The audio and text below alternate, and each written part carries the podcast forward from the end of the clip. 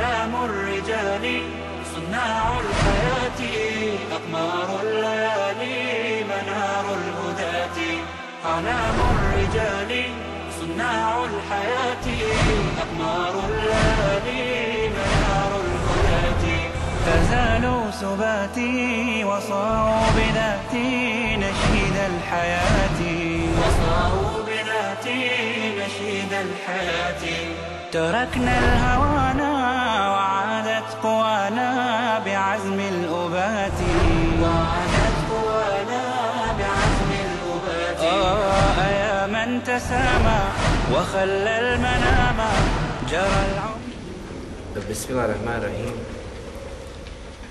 إن الحمد لله نحمده ونستعينه ونستغفره ونعوذ بالله من شرور أنفسنا ومن سيئات أعمالنا. من يهد الله فلا مضل له ومن يضلل فلا هادي له. أشهد أن لا إله إلا الله وأشهد أن محمدا عبده ورسوله. وقال ربنا في كتابه الكريم بعد أعوذ بالله من الشيطان الرجيم يا أيها الذين آمنوا اتقوا الله حق تقاته ولا تموتن إلا وأنتم مسلمون. Zahvala pripada subhanahu wa ta'ala koga naš gospodar Allah te barek ve ta'ala uputi na kraj put zaista je upućen a koga ostavi u zabludi neće mu naći nikoga ko će ga na pravi put uputiti. Svjedočim da nema drugog istinskog Boga osim Allaha subhanahu wa ta'ala i da je Muhammed alaihi salatu wa posljednji lao poslanik poslan sa istinom. Draga braćo i cijene sestre, assalamu alaikum wa rahmatullahi wa barakatuh. Hvala Allahu subhanahu wa ta'ala koji nas je poživio i ponovo nas okupio na ovom bareć mjestu u Allahu i Tebare ta'ala kući da nastavimo sa govorom o najveličanstvenijoj nauci koja govori o Allahu subhanahu wa ta'ala. I prošli put smo govorili mnoge govore učenjaka koji su kazali kolika je vrijednost izučavati, odnosno kolika je vrijednost poznati gospodara Tebare ta'ala. Mi večeras ako boda planiramo nastaviti govoriti s tim da ćemo uz Allahu Tebare Kvetala pomoć pojasniti tri pitanja. Znači, tri velika pitanja po pitanju Allahu i Subhanahu wa ta'ala lijepih, lijepih imena. Prvo, znači, o čemu ćemo govoriti, da li su Allahova imena pobrojana određenim brojem, znači da li su ograničena, da li su određena sa brojem koji se spominje u hadisu poslanika sallallahu alihi wasallame, koji bilježi, znači, Buharija i Muslim, od Ebu Hureyre radijallahu anhu, da je poslanik sallallahu alihi wasallame kazao Inna lillahi tis'ata wa tis'ina isman, men ahsaha dehal al džanna. Zaista Allah subhanahu wa ta'ala posjeduje 99 imena kojih bude naučio ući će u džennet. I o ćemo ako bude večeras govoriti. Znači sve tri mesele, sva tri pitanja koja ćemo spominjati večeras, o, govorit će, odnosno komentar će biti po pitanju hadisa kojeg smo naveli.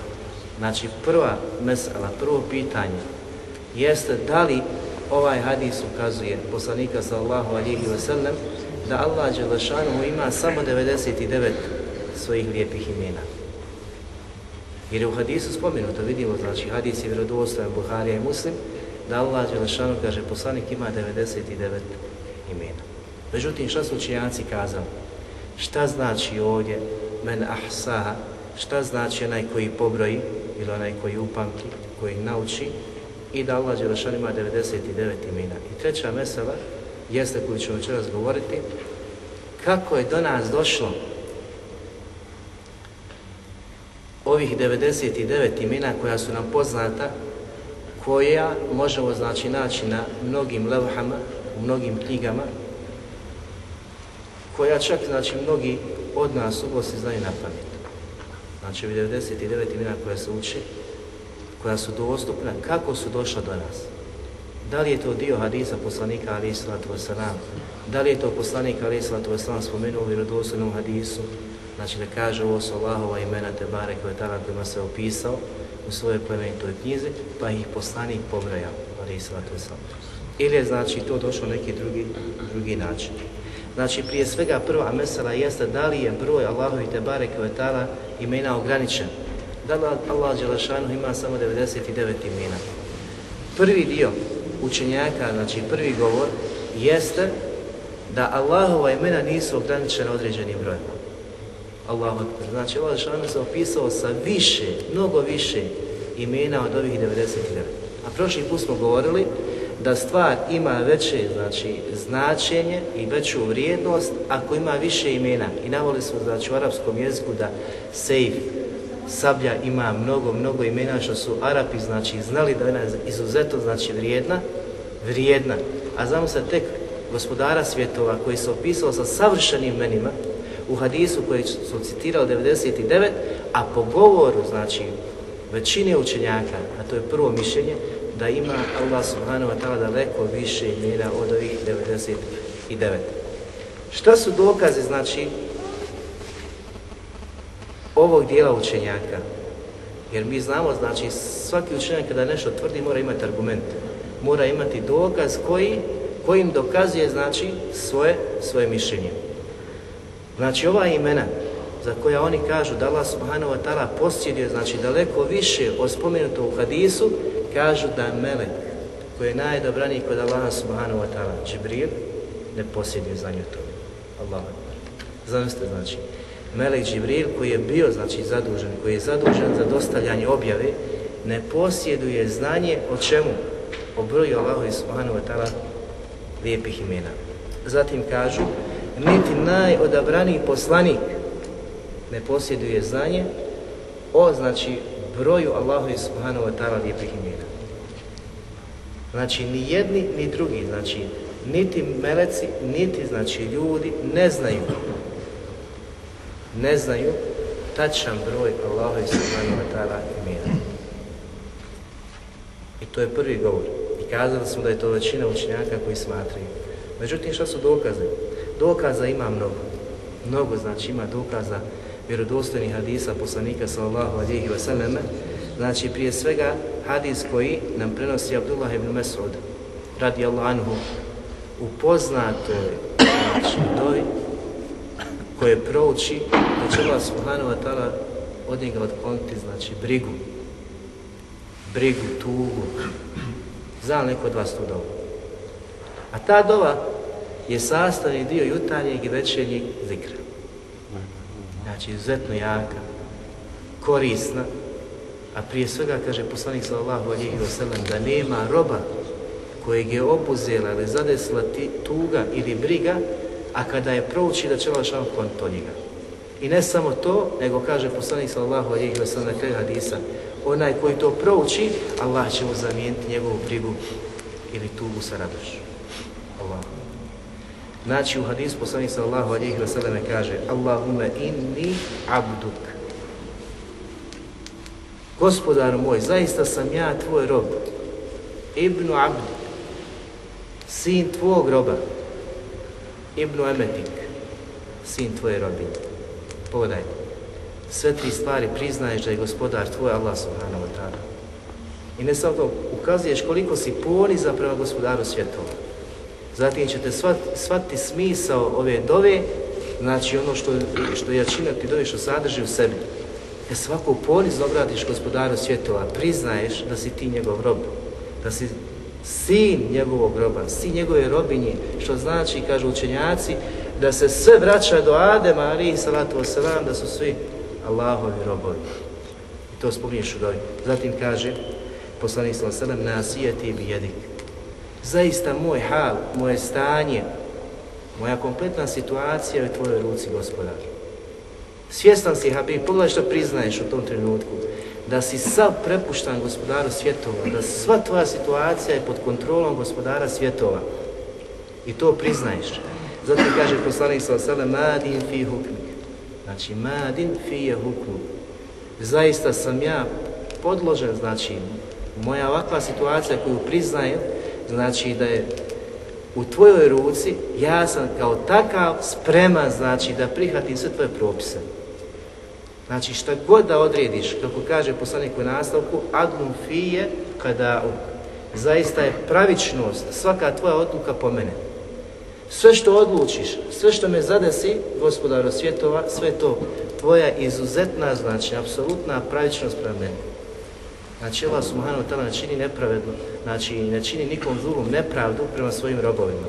I ovdje ti to priznaješ, Habibi. To je tvoj jekin, tvoja akida, tvoja vjera koja, koja te uči. Zatim dolazi ono što je nama večeras dokaz. Kaže poslanik sa selem, Es'eluke bi kuli ismin huwa lek. Gospodaru moj, molim te i dozivam svim tvojim lijepim imenima koja tebi pripadaju. Zatim kaže poslanik sallallahu alejhi ve sellem: "Semmejte bihi nefsek."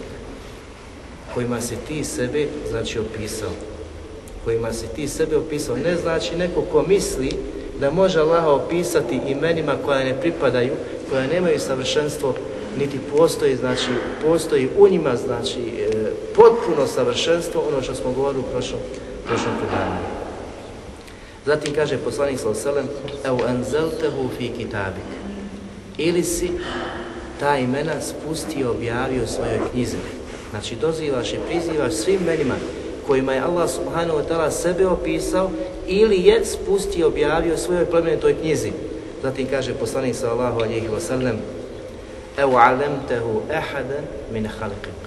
Ili si obavijestio, podučio nekoga od svojih stvorenja. I takvi imenima dojiš Allahu subhanahu. Što znači, pogledajte dokaza, Eseluke bi kulli ismin huvalek. Molim te svim tvojim imenima. Obuhvatio si sva imena, znači kojima se Allah subhanahu ta'ala opisao. Zatim ovdje preciziraš ili onim imenima koja si objavio svojoj plemenitoj knjizi. A mi smo kazali da imena crpimo iz knjige Kur'ana, znači plemenite knjige Kur'ana i suneta poslanika sa selem. Ti ovdje preciziraš, znači tražiš ili imenima koja su objavljena u knjizi. Ili poslije toga, znači imenima koja si predočio posebnoj grupi ljudi, znači posebnim ljudima, ukazao si na njihovu veličinu i takvim imenima te mi dozivamo i mi te prizivamo gospodar. I ne samo to, nego kaže poslanik, Evo, ista'tharta bihi fi ilmi l'gajbi indek. Ili si ih prikrio, znači molimo te i onim imenima koja si prikrio, koja si sakrio od svih stvorenja, koja si ostavio, znači, u tajanstvenosti kod sebe koja su tajne, znači nisu nikome onaj, predočena, niko nije podučen tim imenima. Što znači ovdje da poslanik sallahu alihi vseleme dovi Allahu subhanahu ta'ala imenima koja nisu objavljena. Što je dokaz da ima imena više od 99. Jer da ih 99, znači kako je došlo u hadisu poslanika, sa poslanik bi ograničio sa dovom koja se spustio svoje plemenitoj knjizi i završio nego znači nastavlja i kaže sa imenima koja su znači prikrivena od ljudi, skrivena, koja su samo u tvom znači apsolutnom znanju i niko znači ne posjeduje znanje o njima. I to nam je dokaz znači da Allah subhanahu wa ta'ala ima više više imena od 99. Zatim kaže poslanik sa da završimo hadis en al-Qur'ana 'azima rabija qalbi. Ovo je poslanik sa traži o imenima znači Allah subhanahu wa ta'ala, da Allah Đelešanu učini Kur'an, koji je veličanstven, velik, proljećem njegovog srca i svjetlošću, znači, njegovih prsa. Pogledajte, znači, koliko je jaka dova i šta je poslanik sallallahu alihi wasallam tražio.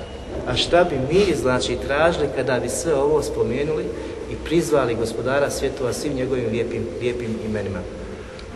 Poslanik sallallahu i ovo znači tražio. Pa kaže, vođela e zahabe hemmi i da otkloniš od mene i moju tugu i moje brige.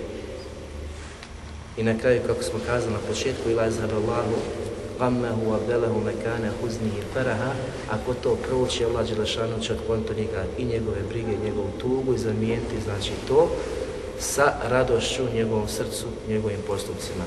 Pa su ashabi radi Allahu kazali, kalu ja Rasulallah, jembegi lena, da li je potrebno da mi, kaže, ne ta'allama hadir kalimate, da naučimo ove riječi, ovu dovu?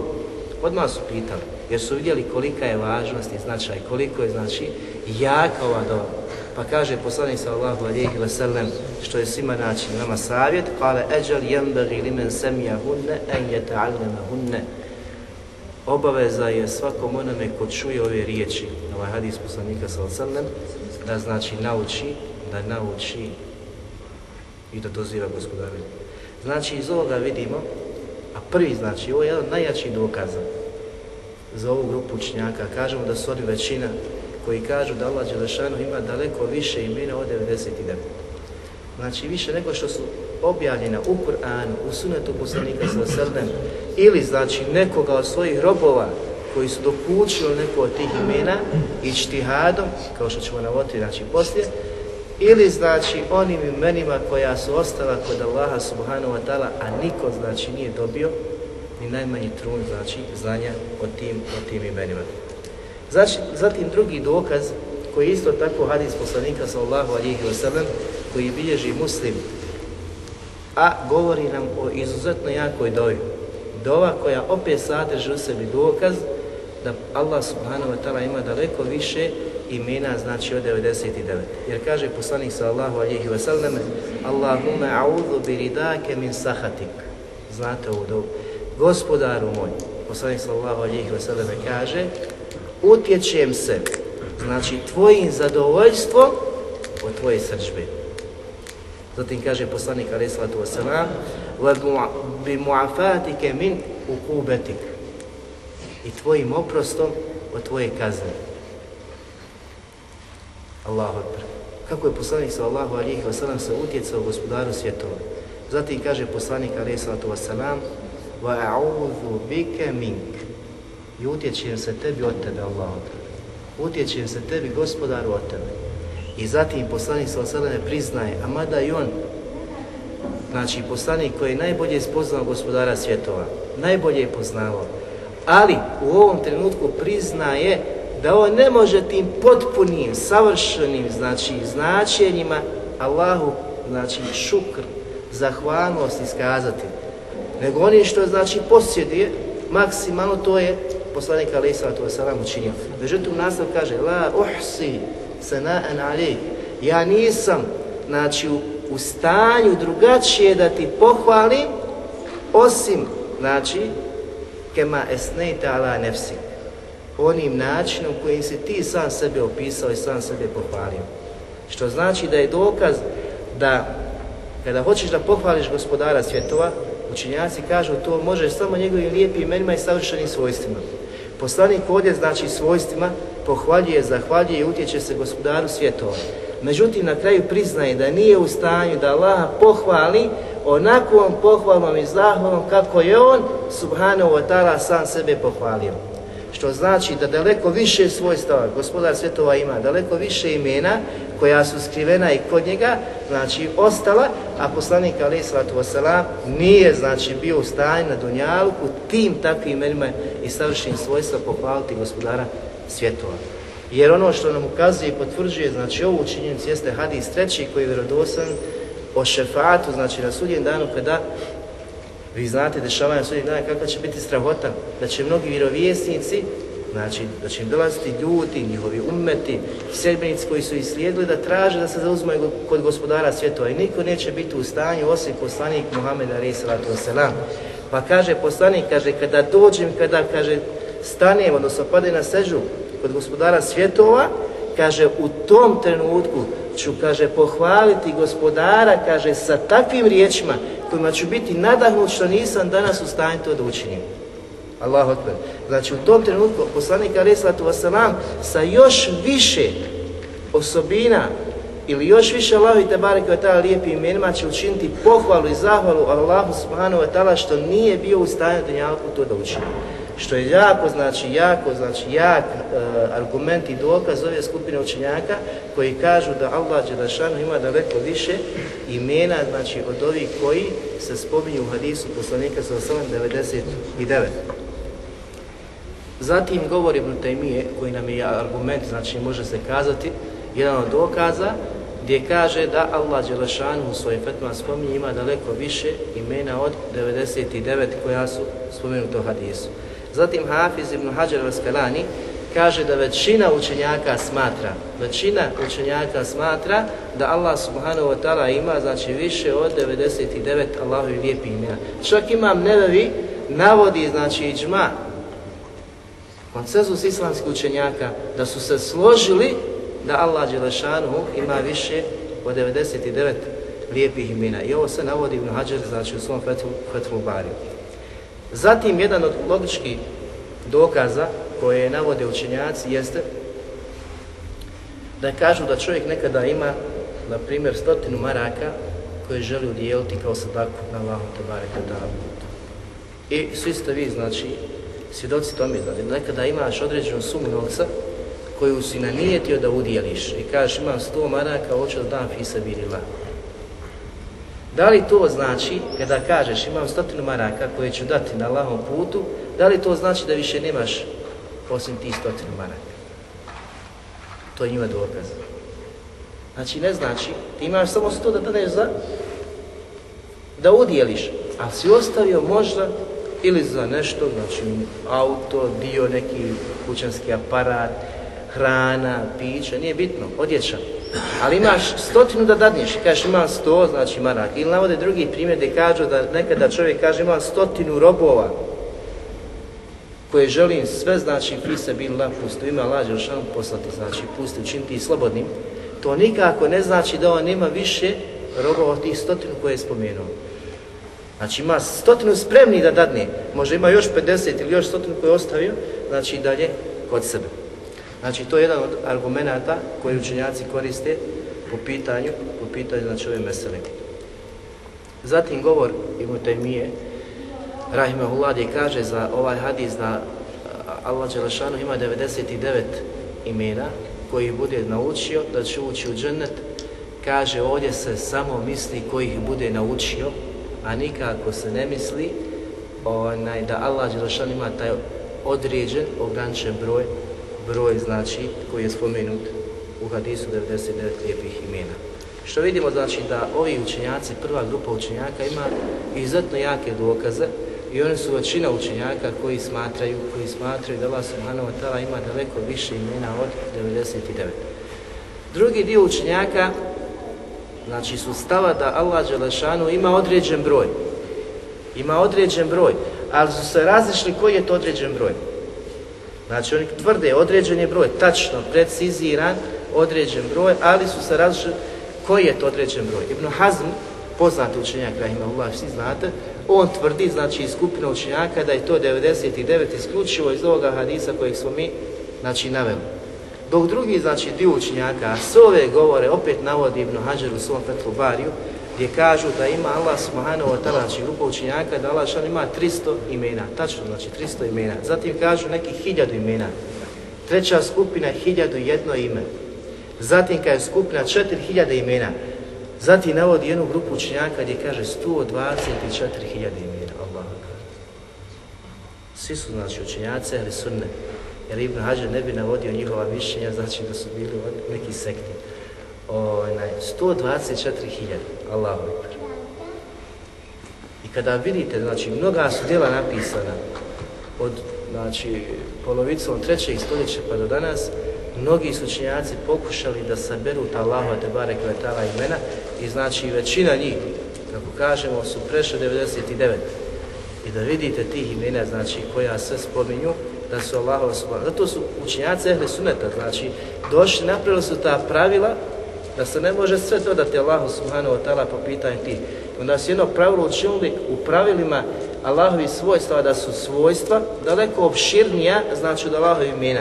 Daleko više svojstva, osobina, savršenja, Allah šan posjeduje od njegovih, njegovih imena. A svako njegovo ime posjeduje savršenu osobinu, što ćemo govoriti o pravilima ako bude, ako bude kada budemo to spomenuti. Ovo je znači prva mesela. Spomenuli smo govore, spomenuli smo dokaze. Druga mesela jeste, znači, šta znači u hadisu men ahsaha? Ko bude naučio, ući džennet. Ovih 99 Allahovi te bareke imena. Šta su učinjaci kazali? Prije svega Allah Đelešanu spominje u Kur'anu riječ ahsaha. Ahsa, znači sakupiti, pobrojati, precizirati, to se spominje. Međutim, šta zaista znači šta je pravo značenje te riječi. Allah Đelšanu kaže u suri Mučadar i u suri Kef, znači spominje ovu riječ pa kaže Jevme jeb'athuhum Allahu džemi'an fejunabihum bima amilu. Tog dana kada je Allah Đelešanu sve sakupi, misli se na sudnji dan, pa ih obavijesti o onome što su činili. I morate sada razmisliti, o je fik, razumijevanje sada ajeta. Znači, pa ih obavijesti o onome što su činili. Pa kaže Allah Đelešanu, ahsahu Allahu wa nesu. A Allah, znači ono o čemu će ih obavijesti, a Allah Đelešanu je sve to pobrojao, a oni su to zaboravili. Subhanallah, da te čovjek pita šta si jučer radio, neće znati kazati. Ali Allah što kaže, ahsahu Allahu wa nesu. Allah što sve tu tančine pobrojao. A oni su to zaboravili, znači sva svoja djela što su radili, sve svoje postupke, ali Allah što pobrojao, Wallahu ala kulli še'in šahid. I ovo ćemo pojasniti, znači ovo plemen, to su veliko Allahu ime šahid. A Allah Đelšanu je svakoj stvari, znači svjedok. Svjedoči svaku stvar. Nijedna se ne može, znači, stvar desiti, a da Allah Đelšanu tome nema znanja. Ovaj aj, znači, govori o tome da mi radimo djela i radit ćemo djela i radili smo djela. Ali Allah Đelešanu taj koji je pobrojao sva ta djela, što ukazuje na savršeno znanje, moć gospodara svjetova, da zna znači koliko robova ima subhano, znači od postojanja, kada je propisano pero, pa zapisalo šta se dešavati, sve do sudnjih dana, sve to zapisano kod gospodara, znači svi ti postupci, svako stanje, dizanje ruke, spuštanje ruke, govor, mirnoća, ono što se pokreće, što se nešto miruje, sve je to zapisano i o tome Allah subhanahu ta'ala zna stanje, znači tačno koliko puta se to pomaklo, podiglo, kazalo, kolika je to moć. I drugi ajet, pa ćemo onda vidjeti znači, razumijevanje toga. Drugi ajet je Allah što on kaže وَوُدِيَ الْكِتَابُ فَتَرَ الْمُجْرِمِينَ مُشْفِقِينَ مِمَّا فِيهِ وَيَقُولُونَ يَا وَيْلَتَنَا مَا لِهَذَا الْكِتَابُ La yugadiru sagiratan wala kebiratan illa ahsaha wa vajadu ma amilu hadira wala yazlimu rabbuke ahada. Allah šan pojašan pa kaže da će se postaviti Terezije na sudnjem danu. Pa će se mnogi pobojati tih Terezija, tih vaga, tih dijela koja će se vagati tog dana. Pa će doći sa svim stvarima što su činili sa svim, kaže, i malim i velikim. I onda Allah kaže, illa ahsaha, ni jedne nema stvari, ni mali, sićušne, niti velike, a da ona nije pobrojana i da toga dana neće doći da ta svaga i biti postavljena, da se vaga svima. I svi će to vidjeti, šta su učinili, šta su radili, a Allah Đelešanu neće učiniti nepravdu, niti prema bilo kom od robova svojih. Ova dva ajeta govore i kazuju nam ahsaha, šta znači ta riječ. I vidimo da u jednom i u drugom ajetu znači pobrojati, jel? Sad onaj hadis se vraća, znači ova što ima 99 imena, men ahsaha, koji pobroji po znači vanštini, ući će u džennet. Međutim, da li je samo to ili ono što je, znači, Ibn, Te, uh, Ibn Kajim Rahimahullah, on zaključio, one tri stvari. Jer kažu učenjaci, Allah Đelšan će ih pobrojati. I pobrojao je, znači, i zna njihovo stanje. Što znači? Kada kaže da će ih pobrojati, apsolutno ukazuje da on zna šta pobrojava, jel? Zna, znači, ta djela. Zatim, zna suštinu tih dijela. Kakva su ta dijela? Mala, velika, znači, da li su to dijela kufra, nevjerstva, da li su dijela imana, znači plodova imana, da li su, znači, nifaka, licemjerstva. Zna veličinu i zna, kaže, kakva će nagrada očekivati svakog onoga koji čini ta djela. Znači, sve to obuhvata značenje riječi ahsa. Znači, lašan to detaljno znači, pobrojati, a zna znači šta je pobrojao, kakva su ta djela, kolika su djela, koliko velika, koliko mala i zna kakva je nagrada, sve očekuje znači i one koji rade dobra i one koji rade znači loša, loša djela. Tako da tek sada vidimo znači što znači zaista ono u hadisu poslanika sa osrame ko tih 99 pobroj imena znači koji svati, ko dokući suštinu, značenje, na što ukazuju, na što upućuju i radi po tome, znači takav može očekivati nagradu kod Allaha Đelešanu, znači džennet. A ovo je miše Ibn Kajima koji ćemo kogoda poslije, znači, kazati. Šta su drugi učinjaci kazali? Znači ima učenjaka koji kažu da hadis ukazuje samo na hifz. Znači, ko nauči na pamet 99 Allahu i Tebare kvetala imena ući džene. Zbog čega? Zbog hadisa koji bilježi muslim, gdje kaže, poslanik sa Allahu alihi wasallame, da Allah on ima 99 imena men hafizaha, koji bude naučio na pamet, da halal ući u džene. Znači, precizno, poslanik sa kaže, ovdje koristi riječ, ko znači nauči na pamet tih 99 imena ući će, ući će u džennet. A Ibn Džauzi, rahimahullah, kaže da su neke predaje koje ukazuju, ukazuju na hifs, a neke na pobrojavanje, odnosno sakupljanje. Jer ima, znači, grupa učenjaka koji kažu ko se potrudi da ih sakupi. Znači, da ahsaha znači sakupiti. Da ti sada, znači, si od alima, velikana i trudiš se da dokučiš koja sto Allahova te bareke vetala imena pa i zapisuješ na osnovu dokaza, argumenata i štihada, znači prvi generacija, drugi, pa i sakupiš, ti ulaziš znači ovdje po značenje ko nauči, odnosno ko sakupi Allahova te barek i imena, ući će u dženet, ima tu veliku nagradu.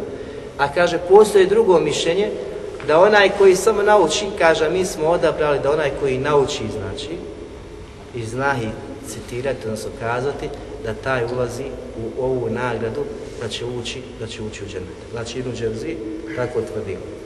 Ibn Hajar, rahimahullah, znači ponovo se vraćamo na njega pa kaže da znači men ahsaha da se ne misli, ne misli samo na pamćenje. Znači ne može se samo zaključiti da onaj koji nauči, nego daleko znači može biti opširnije znači može ukazivati da i ko nauči na pamet zatim znači koji shvati i razumije, a zatim da radi po tome. Znači sve to može da sadrži znači men, men ahsaha, men ko znači sakupi pobroji ta Allahu te bareke imena. I mnogi drugi su činjaci, znači poput njega kazali, a Imam El Asiri rahimahullah kaže da se krije opasnost znači u ovom govoru da kažeš ko nauči 99 Allahu imena ući džennet, jer postoji, kaže, mogućnost da će naučiti dobar i loš, vijenik i nevijenik. Onaj koji griješi i koji ne griješi i svi će se osloniti na znači obećanje koje je došlo u hadisu poslanika sa selem, koji nauči napraviti ući u džennet. Da li će koristiti čovjeku koji griješi, koji je nepokoran Allahu subhanahu wa ta'ala da nauči 99 imena i kaže ja ću ući u džennet jer zna 99 Allaha imena. Znači, ovdje je odgovor toj skupini koja tvrdi da se misli samo na učenje na pamet, jer postoji mogućnost da će svi naučiti i da mu je to znači onaj garancija, garant da će ući, ući u. Zatim, treće mišljenje, to sve spomena, to je Ibn Kajim Rahimahullah gdje kaže da onaj, ove, ovaj hadis obuhvata tri značenja. Da onaj ko nauči ko shvati znači značenje toga, jer svako ime ima značenje, ima plod, znači spoznaje, zatim radi po tome. Odnosno doziva Allaha subhanahu wa ta'ala tim, tim imenima. I zato kaže, postoje dvije vrste dove, to je znači dova pohvale. Kada samo želiš pohvaliti Allaha subhanahu wa ta'ala, onako kako to njemu dolukuje, kroz njegova lijepa imena i savršena svojstva i drugi vid ove jeste znači kada tražiš od Allaha nešto. Kada moliš za nešto. To je drugi dio znači, drugi dio, odnosno drugi vid dove. Četvrti govor koji je jako interesantan, a to imam Kurtobi Rahimahullah kaže da svi govori koji učenjaci spominju, kaže iz Allahove velike milosti prema robovima, koja je neizmjerna, postoji mogućnost da čovjek kako god uzme mišljenje od ovih i radi po tome, znači ako odluči da samo nauči 99 imena, da će ući znači u nagradu koja je obećana tu. Ili onaj koji radi, znači nauči, nauči značenje tih imena, ući Onaj koji nauči i nauči značenje, znači sabere, pokuša sabrati, zatim radi po svemu tome, ući u Znači postoji onaj, mogućnost gdje kaže da osoba koja bilo koje mišljenje da uzme od ovih koje navodimo ovdje i iz Allahove velike milost prema robove može znači da ukabuli, da ga nagradi džennetom, džennetom za to. To znači ima i tvrdi na jednom mjestu od njegovog govora, na drugom mjestu on znači opredjeljuje se više da ono misli, da se misli da onaj koji nauči koji radi, radi po tome. Ali znači postoji mogućnost da Allah Đelešanu može robojima svojim, da oni koji se potrude da nauče ta imena na pamet, samo na pamet, da će im se smilovati, odnosno nagraditi za to. Zatim imamo skupinu učenjaka koji kažu da svaki hafiz koji nauči Kur'an na pamet, da ulazi u ovu nagradu koju poslanik sallallahu alejhi ve sellem obećava. Jer kaže svaki onaj koji nauči Kur'an na pamet, naučio je Allahova lijepa, lijepa imena i tako da ulazi, da ulazi pod ovu, znači, obećanu nagradu poslanika sallallahu alejhi ve sellem, ali su i njima učenjaci odgovorili, znači, ovoj skupini, jer opet postoji mogućnost, šta? Će naučiti Kur'an i dobar i loš. Onaj koji zna Kur'an na pamet, koliko je znači danas koji ne znaju arapski jezik, ali znaju Kur'an, da li znaju značenje, da li će njemu koristiti znači nešto što ne zna znači šta uči. Nema sumnje, oni kažu, on će imati nagradu za tilavet, znači za svoj trud koji uložio da uči na pamet, da nauči trenutke koje se odvojio radi Allah subhanahu da nauči njegov govor, on će imati za to nagradu. Ali da li će imati nagradu spoznaje i razumijevanja onoga što noći znači taj Kur'an, od upute, da li istina je koji zna, koji ne zna, znači one ajte koje čit, čita i uči. Koliko Hafiza uči, znači određene sure ili na kijamu, ali ne osjeća tu slast, nije znači iskrušen, nije predan, nije prepušan gospodar svijetom. Zar su isti znači te dvije? Tako znači Hafiz koji zna i koji ne zna, onaj koji zna dijelimično nešto, ali zna značenje toga, nije isti. Tako kaže da postoji mogućnost prije svega s te strane da ne zna značenje poput onoga što zna značenje i druga stvar što postoji mogućnost da nauči osoba koja je loša, ne radi po Kur'anu, da li će tako koristiti? Pa kažu koliko je ljudi koji klanjaju, a da neće imati nikakve koriste svog namaza. Koliko je ljudi koji deljuju sadaku da neće ništa imati od te sadake. Koliko je ljudi, znači, da kada susretnu brata sa osmijehom na licu, na licu nadaju se nagradi, da će to biti kao udjeljenja sadaka, neće imati. Jer se licemjerno ponaša prema njemu, ogovara ga poslije, znači potvara i priča ružno o njemu. Kako će moći tako osoba nagrada, tako i nagradi. Tako i Hafiz Kur'ana, koji to nije radi radi Allaha subhanahu wa ta'ala, nego je htio da neko drugi ga fali, pohvaljuje i priča o njemu, neće imati nagradu, znači zato se ne misli, niti može. S druge strane odgovaraju da onaj koji nauči Kur'an nije naučio sva Allahova te barek vatala imena. Zašto? Zato što postoje mnoga druga imena koja su došla u hadisu poslanika sallallahu alejhi ve sellem. Znači ima mnogo imena koja ćemo mi govoriti, spominjati, koja su došla u hadisu poslanika sallallahu alejhi ve selleme, a ne spominju se u Kur'anu. Tako da je to jedan znači od odgovora koji učenjaci navode. A Hafiz opet se Ibn Hađara rahimahullah gdje kaže to nije jedini šart koji je došao, znači, ko radi to i to djelo uči u džennet, koji nauči 99 i mi nauči u džennet. Allah je svoje milosti, koliko je drugih dijela ostavio ljudima, koji ih uradi, znači ukazao je, poslanik sa sebe, uradi to i to uči u džennet. Ili je djelo, znači, od džennetlija, djelo koje te uh, štiti da uđeš u džehennemsku vatru na salate barek vetara, sačuva to. A Ibn Battal, rahimahullah, je kazao da ova, znači Allahova te bareke vetala imena koja se spominju ihsa, znači sama riječ, obuhvata i potvrđuje dvije stvari. To znači da bi došao do ihsa, do ove nagrade koja je obećana u hadisu poslanika sa srlem, moraš potvrditi Allahova te bareke vetala, znači lijepa imena, a zatim znači da imaš dijelo tih imena. Kako? Naprimjer, kada spoznaš Allahova subhanahu wa ta'ala imena, koja su zabranjene da se nadjevaju drugima, znači stvorenjima, kao što je Ahad, Al-Qadir, Allah, znači puno drugih imena koje ćemo mi spominjati, Halik, koja su specifična, znači samo za Allah, gospodara svjetova, ti si spoznao to ime. Da li si radio po tome, znači da nisi dozvolio sebi da ga nadiješ djetetu ili nekome, a ti to prekršiš. Znači ne radiš po tome i nemaš korist od toga ihsa. Iako ti to ime znaš, ne radiš po onome na što ono ukazuje. Ili kaže, s druge strane, postoji imena koja Allah Đelešanuhu, kojima se opisao, znači, poput El Kerim, plemeniti, El Afu, koji prašta, koja su znači pohvalna da se nađu kod robova, te osobine i ta imena su pohvalna da se nađu kod robova, da se od onih koji su prepoznatljivi po svojoj plemenitosti, po da opraštaš drugima, da praštaš, da onaj, su pohvalne osobine da se nađu kod robova. Na, tako, znači da si ti spoznao El Kerim, da je Allah El Kerim, znači plemeniti, koje potpuno savršenstvo značenja tog imena pripada, ali si u isto vrijeme saznao da je pohvalno da se okitiš tom osobinom, pa je uzmiješ, tako da ti imaš šta? Dijelo tog imena, dijelo tog ihsa. Kad ih naučiš, znači čuo si neko ime, saznao si za to ime i uzeo si dijelo da radiš po tome. Ili kaže, postoje znači imena koja ukazuju, koja traža potvrži svojim govorom. Poput, znači, da izgovaraš ta Allahova te barek imena, da doviš njemu tim imenima, da ga dozivaš tim imenima, da učiš ta imena, to spada znači u potvrđivanje riječima i govorom. A prva kategorija znači o, samo dijelima znači da potvrdiš to ime i zatim da potvrdiš dijelom. Jer nema znači nikakvog udjela u ovoj nagradi osoba koja samo izgovori, bez značaja, bez suštine, bez onoga što ukazuje, bez da radi po onome što gospodar svjetova znači, kaže tim imena, odnosno što se opisuje takvim velikim, velikim imenom.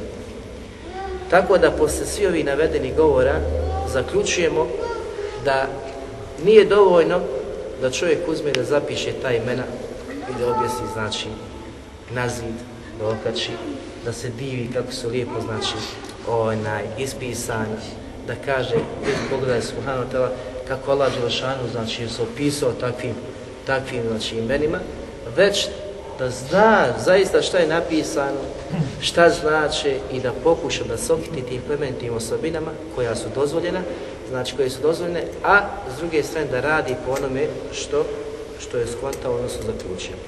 Treća mesela koju ćemo spomenuti jeste kako su ova imena znači došla do nas? Kako su zapisana?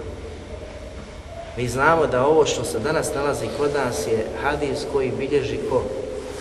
Imam tirmizi.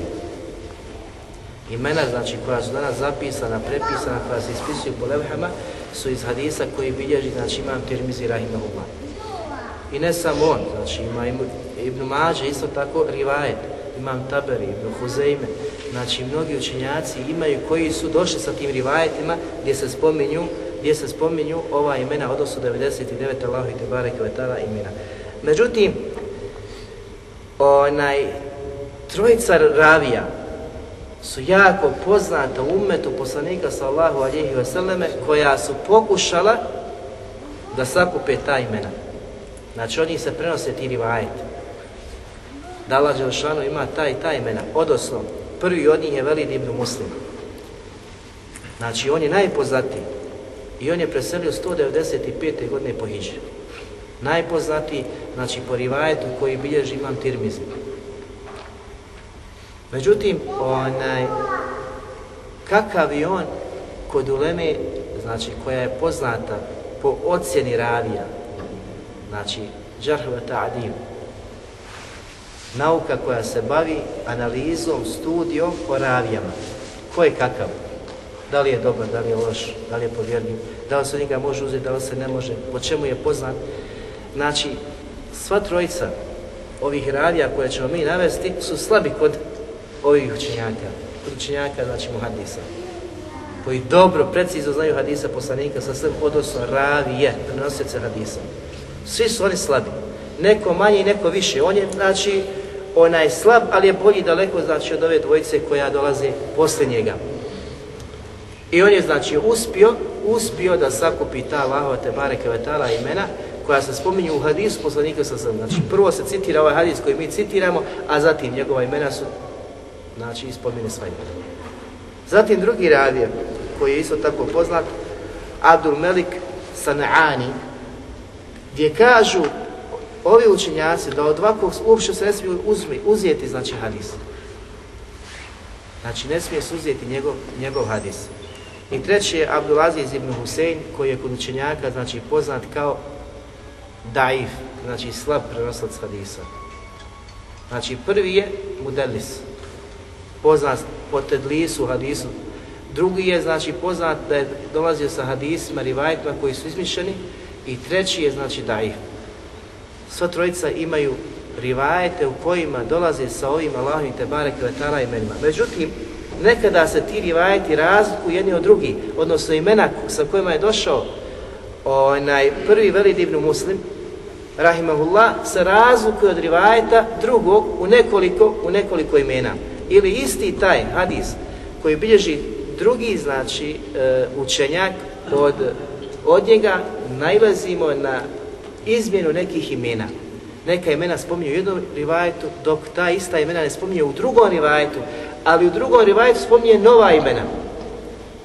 Tako da kažemo, znači, da sve tri ove, znači, ovdje, koje smo predaje naveli, ukazuju da su ravije slabi, da su daif i da se od njih ne može uzeti predaja. Međutim, kako su oni sakupili te ta Allahova tabare koja je tala velika imena? Na koji način? Veli Ibn Muslim, kako kažemo da je najpoznatiji od njih, on je mnogo, on je dobar bio učenjak, poznat bio Ali, veliki učenjak. On je mnogo volio, znači, da citira ovaj hadis poslanika sa osrnom od Ebu Hureri. Znači, gotovo nije bilo međlesa gdje on sjedio, a da nije citirao da Allah Đelšan ima 99 imena koji nauči uči džennet. I svake prilike bi spomenuo po jedan po jedno Allahove Tebare Kvetala ime ili dva imena, znači svojim ištihadom. Dok su njegovi učenici koji su sjedili u tim halkama zapisivali ta Allahova Tebare Kvetala imena i uvijek bi hvatali novo ime i zapisivali. Tako da bi redali, znači pravili spisak ti Allahovi Subhanahu wa ta'ala imena, dok nije došao dan kada se tih 98 imena koji on dodao imenu Allah, znači 99, dodalo ovome dijelu hadisa poslanika sallahu alaihi wa sallam. Zatim su došle generacije s koljena na koljeno koje su prenosile misleći da je to hadis poslanika sallahu alaihi wa sallam. Znači, na takav način, tako da danas, kada bi čovjek ukazao hadis koji bilježi Tirmizi, Ibn Mađe, Ibn Huzeime i drugi učenjaci, da to nije govor poslanika wa sallam, on bi te možda i napravio. Ali mi kažemo ti imaš pravo na to. Jer je on zabilježen tu. A sam Tirmizi kaže da je garib, čudan hadis. Znači ovakav kakav je došao je čudan. I u tome ga podržava šejih, znači Albani Rahimahullah i kaže da je slab. Ne može se uzeti kao dokaz uopšte. Što ćemo navesti drugi učenjaki što su kazali. Ali znači on će kazati tvrd da je to, znači da su to imena koja je spomenuo poslanik Ali Islatu Veselam. Ali mi kažemo, dobro, možda ti imaš pravo u toj svojoj tvrdnji, ali stvar prepuštamo ljudima koji su dehli toga. Znači učenjaci, hadisima, šta su oni kazali? Da li je zaista to dio poslanikovog govora, ali islatu ili ne? Znači, Ibn Taymije kaže da je istina, da je istina da su učenjaci složili da to uopšte nije govor poslanika, nego da je to govor nekog od ravija. Znači ovdje on spominje ičma. Da su učenjaci složili na tome da je ovo dio, znači, koji koji su ravije dodali, dodali znači to hadis poslanika sa osallam. Zatim imam Sanani, isto tako kaže da su učenjaci svi složili da je ovo dio, dio znači kojeg su dodali neki od ravija prenosilaca hadisa poslanika sallallahu alihi wasallam, a Ibn Hajar rahimahullah kaže da je ispravno da je ovo dodatak hadisu, da nije govor poslanika wasallam. Znači, poznat po hadisi, sve su ovo hadisi koje mi navodimo, znači gdje iznose da su muslimani ummeta, učenjaci ummeta saglasni da je ovo dio koji je dodan, dodan hadisu poslanika sallahu alihi wasallam. Ali pogledajte šta znači zna, uh, sjediti u društvu učeni, koliko su oni trudili, koliko on imao, imao veliku želju da spominje, znači veli Ibn Muslim, da spominje ovaj hadis, znajući njegovu vrijednost, znajući da onaj koji to nauče će ući u džennet, pa se je potrudio svojim velikim ištihadom da prikupi ta Allahova subhanahu wa ta'ala imena koja je crpio znači iz Kur'ana govora Allaha subhanahu wa ta'ala i on je znači zapisao. Zapisao, sakupio koja ćemo mi ako voda spominjati ovdje znači našim narednim, narednim predavanjima. Čak znači postoje predaje koje isto tako spominje Allahova tebare kao tala imena, ali se razlikuju od ove predaje, od veli da ime muslima, u 23 imena. Znači, spominju 99, Allahu i Tebare koje tela imena, a spominju ima sam 99, ali se razliku 23 imena. Koja je to razlika? Znači, on spominje neka, znači, ti 23 što drugi ravija ne spominje, nego je došao sa novim imenima ne spominjući njegova, njegova, njegova ima. Što vidimo, znači, da ima velike razlike u tom ištihadu kada su pokušali da dokuće koje je to Allahove te bare kvetala ime pa da ga staje. Zato su učenjaci poslije došli i napravili ta pravila vezana, vezana za Allahova subhanahu wa ta'ala imena da bi zatvorili vrata znači onima koji misle da su nadahnuti u snovima ili najavi, znači da kažu, a, moglo biti, to je to, znači Allah subhanahu wa ta'ala jedno njegovih imena je i to. Znači, to će biti od ilhada u Allahu i tebare kvetala imenima, što je, znači, strogo, strogo zabranjeno. Toliko za večeras molim Allah subhanahu wa ta'ala da nam podari da se koristimo od onoga što smo čuli. Narodnim predavanja govora će biti govora, bit će govora znači o pravilima vezana za Allahova tebare kvetala imena i spomenut ćemo znači meselu koje je to najveće, najuzvišenije, najveličanstvenije Allahove tebare kvetala ime i govore učenjaka šta su kazali, šta su kazali po pitanju toga. E, molim Allah subhanahu wa ta'ala svega najljepšu nagradu, da podare se koristimo i mi i svi oni koji budu slušali, da oprosti nama, našim roditeljima, svim muslimanima, da popravi stanje umeta, da izliječi stanje naših bolesnih, stanje bolesnih muslimana, da popravi stavo naše stanje u vjeri. Subhanak Allahumma hamdika, ashhadu an la ilaha illa anta